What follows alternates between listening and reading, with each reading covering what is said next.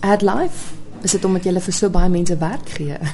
Onder andere, ons het net van die begin af en ek moet Renier die krediet gee vir die naam. Hy het daarmee opgekom, maar die die filosofie agter dit is ons wil enige van die produksies wat ons doen, ons wil hê dit moet vir mense lewe bring. It must add life to them.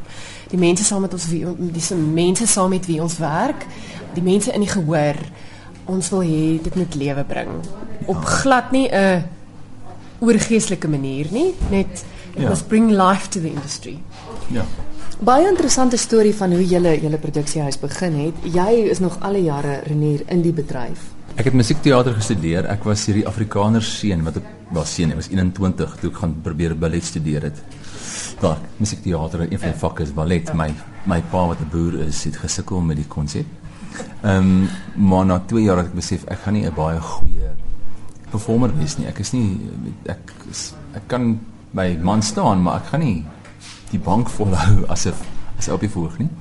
En ek het toe baie meer op die op die bestuurkant van dinge betrokke geraak. By my eerste werk was by die uh Northwest Dance Company. Ehm um, in die goeie ou dae en gewerk. Ek was in 'n tegniese skool, so ek al help met die tegniese kant van produksie. So ek het van daai kant af myself ingewerk. Ehm um, nou waar ons nou is oor ek die die tegniese kant en die finansiële kant mm. leer ken het. En en jy was in die boekbedryf gewees. Ja, eerste my die twee groot liefdes in my lewe behalwe my man en my familie is 'n boeke en teater. So ek het gewerk ja as 'n as 'n redigeerder, as 'n kopieskrywer, as 'n projekbestuurder in die boekebedryf. Vertel asseblief vir die luisteraars hoe jy besluit het. Ek het ek het dan vroeër 'n grappie gemaak en gesê het een oggend opgestaan en besluit jy gaan 'n produksiehuis begin, maar dit is eintlik amper so iets. Vertel gou die storie. Ons het eendag na vertoning gegaan by die Staatsteater van 'n Afrikaanse musiekblyspel en daar gesit en teen pause dis dit ons moet groot oor mekaar kyk ons was geld kry hierdie produksie is so swak en die mense is mal nie oor as die standaard so laag is moet ek ophou met te kritiseer en iets dan doen. Is maklik om te sê iets is swak. Dis moeilik om dit self te doen. Dis ek goed daar dis dit. Ja. Ons moet iets doen. En dis wat ad life Productions gebore is, is daai aand in die Staatsteater op die galery se eerste ry in die middel van 'n baie swak produksie. Waar jy besluit het ons kan dit beter doen. Ja, smooth. en dit is waar Houtkruis dan begin het en jy het ook verduidelik Lise Marie dat jy sou eintlik net die een produksie gedoen het om aan jouself te bewys jy kan dit doen. Maar hier sit ons soveel jaar later met hoeveel produksies agter jou naam. Het jy gedink dat jy gaan wees waar jy vandag is? Ons is regtig um verbaas as ek dit so kan sê. Ons sou st stories is ons lewe en uh, ons het daai een storie gehad wat ons wou vertel. Ons het nooit besluit ons gaan 'n produksiehuis hê en ons hmm. gaan die industrie hmm. oorvat of so, ons het nie ons ons ambisies was meer om aan die lewe te bly. ja. Sien waar. Ehm um, ja, maar ons is maar stories leef in ons huis en die een ding het gelei na die ander en soos wat jy die mense leer ken en ek dink elke keer dat jy het jy 'n 6 maande projek rondom 'n produksie 6 7 maande en jy kry hom op planke en jy oorleef hom en uh die mense songewerk oorleef dit ook en jy, jy betaal almal aan die einde van die van die proses en dan sit jy aan die einde van die proses ek, ek is okay ek's nou weer eens werkloos. Ehm um, gaan ek het ek 'n ander storie in my hart wat ons dink sterk genoeg is om soveel finansies en talent kan saamtrek rondom dit want dit is waar dit gaan is jou storie sterk genoeg is jou belofte wat jy maak sterk genoeg om finansiële investering um, te trek te kry ehm um, gaan jy kunstenaars hê wat sê wil ek wil daai storie help vertel veral nie begin as jy geen reputasie het as as as 'n kreatiewe span nie Ehm um, ek net die eerste keer ons met houtkruis moes ek vir Matthys Marie vra om audisies te, te roep want niemand wil kom as ons mense nooit vir audisies nie. Wie is hierdie mense? So so ek dink eers na die 4de produksie het ons gaan okay, ons moet seker self seker nou maar ernstig opneem as 'n maatskappy as vervaardigers want ons het nou al 4 gedoen en oorleef. En dit lyk my ons gaan nog een doen. So dis nie net weer nog 'n projek nie. Ons kan nou anders daar. So dit is nie gebore uit ambisie om vervaardigers te wees nie. Dit is regtig 'n storie om te vertel. Ons kry mense soms opgewonde oor die storie. Ehm um, en ons kom saam en ons werk aan 'n projek en ons gee die beste wat ons kan.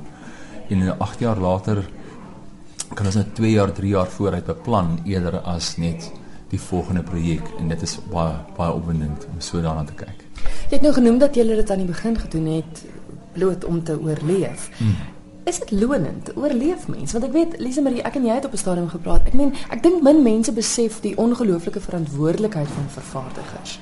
Julle is die ouens wat die salarisse moet betaal en op die ou ende julle darm 'n ou geldjie vir 'n broodjie. Hoe sê jy? As ek ons het baie geld verloor in die proses. Ons is baie keer vir vir mense wat geld geïnvesteer het in oë gaan kyk en sê, "Vriend, gee my so 'n jaar of twee dat ek 'n plan maak om die geld wat jy geïnvesteer het te gaan terugmaak." Ja. So ons het baie duur lesse geleer. So dit is baie dit is nie maklik nie. Nee. Dit is um, Daar's 'n rede hoekom so min mense dit doen. so dit is um, min die kleinste goed van buite af um, het 'n invloed op die mense se se gewilligheid om kaartjies te koop of nie te koop nie.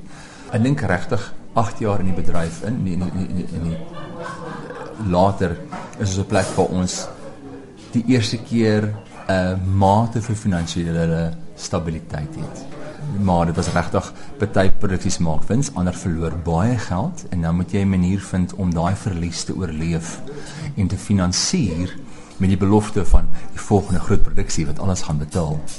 Ehm um, en dis die realiteit daarvan. So ons is baie dankbaar want is genade meer as enigiets anders dat ons vandag nog hier sit. En baie wonderlike mense wat ons vertrou en saam ons werk. Ehm uh, ja, sonder die die kreatiewe spanne en die akteurs wat bereid is om met die risiko's aan te gaan. Ja, dit het heeltemal onmoontlik gewees het.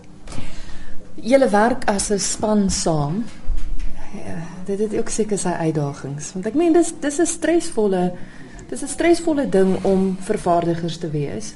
En wie se mense op wie jy dit gewoonlik uithaal, die naaste aan jou. En werk julle saam julle ons lag as van ons vriende nou vreeslik opgewonde raak oor 'n date night. Ek dink vir my en Renier partykeer is dit dis baie lekker as hy vir 'n naweek Kaap toe gaan vir werk. Ons is baie lief vir mekaar as hy terugkom, want ons werk regtig. Ek meen ons werk die hele tyd saam. Ons dra die stres saam. Ons um, ons giet onsself kreatief uit in die in die hele maak van 'n produksie. Um en om die momentum te skep en die en die en die om voor te loop met so 'n span vat maar sy tol, maar ons het mekaar baie goed leer ken en hmm. vandat ons vandat ons besef het waarmee is hy baie goed en waarmee is ek baie goed en onsself meer toespits daarop gaan dit met ons regtig goed. Ons werk baie lekker saam. Mm. ja dit is dis daai gesprekke oor die kombuistafel waar ons sê okay, ons het nou weer soveel geld verloor. Iets moet nou verander. Ons kan nie so aanhou nie en ek dink dit is drie sulke diep gesprekke gehad in in die afgelope 8 jaar waar waar jy vreg voel dis nou is is nie einde nie jy's lankal verby die einde. Jy jou skoonpa of jou dan as jy gaan kry net vir ordentlike werk en sorg vir my kind. Dan ehm um, ja dan dan moet jy diep grawe om om die volgende weer aan te pak. Ehm um, maar ons dis is span dis die, die rol wat ons speel. Ek weet nie hoeveel pyn um, my kunstenaars insit om so goed op die verhoog te wees as hulle is nie. Elke persoon wat sy eie seer um, eie prys wat jy betaal vir wat jy op die einde vir mense aanbied. En uh, jy, jy, jy, jy, jy verkoop nie aan hulle die prys te betaal nie. Jy, jy verkoop hulle aan die aan die die mooi kant. Ehm um, dis ons voorreg om die prys te betaal. Ehm um, sodat ons vir ander mense geleentheid kan skep en herinneringe kan skep vir hulle as families. Dit is maar so 'n storie van hoop en ek dink dit gee ook aan baie mense in die bedryf hoop want dit is maar 'n rowwe bedryf. Wat sou julle sê is die een groot ding wat gemaak het dat julle elke keer opgestaan het? En anders. Wel in die laaste 6 jaar was dit die feit dat ons twee kinders het. Daar's niks wat mense so gou laat opstaan nie. so ja, ek sou sê as jy moet huil dan huil jy en dan staan jy weer op. Daar's mos nie ander opsies nie. Ja. Ek dink dis is 'n ding van jy jy kan nie bekostig om op te gee nie.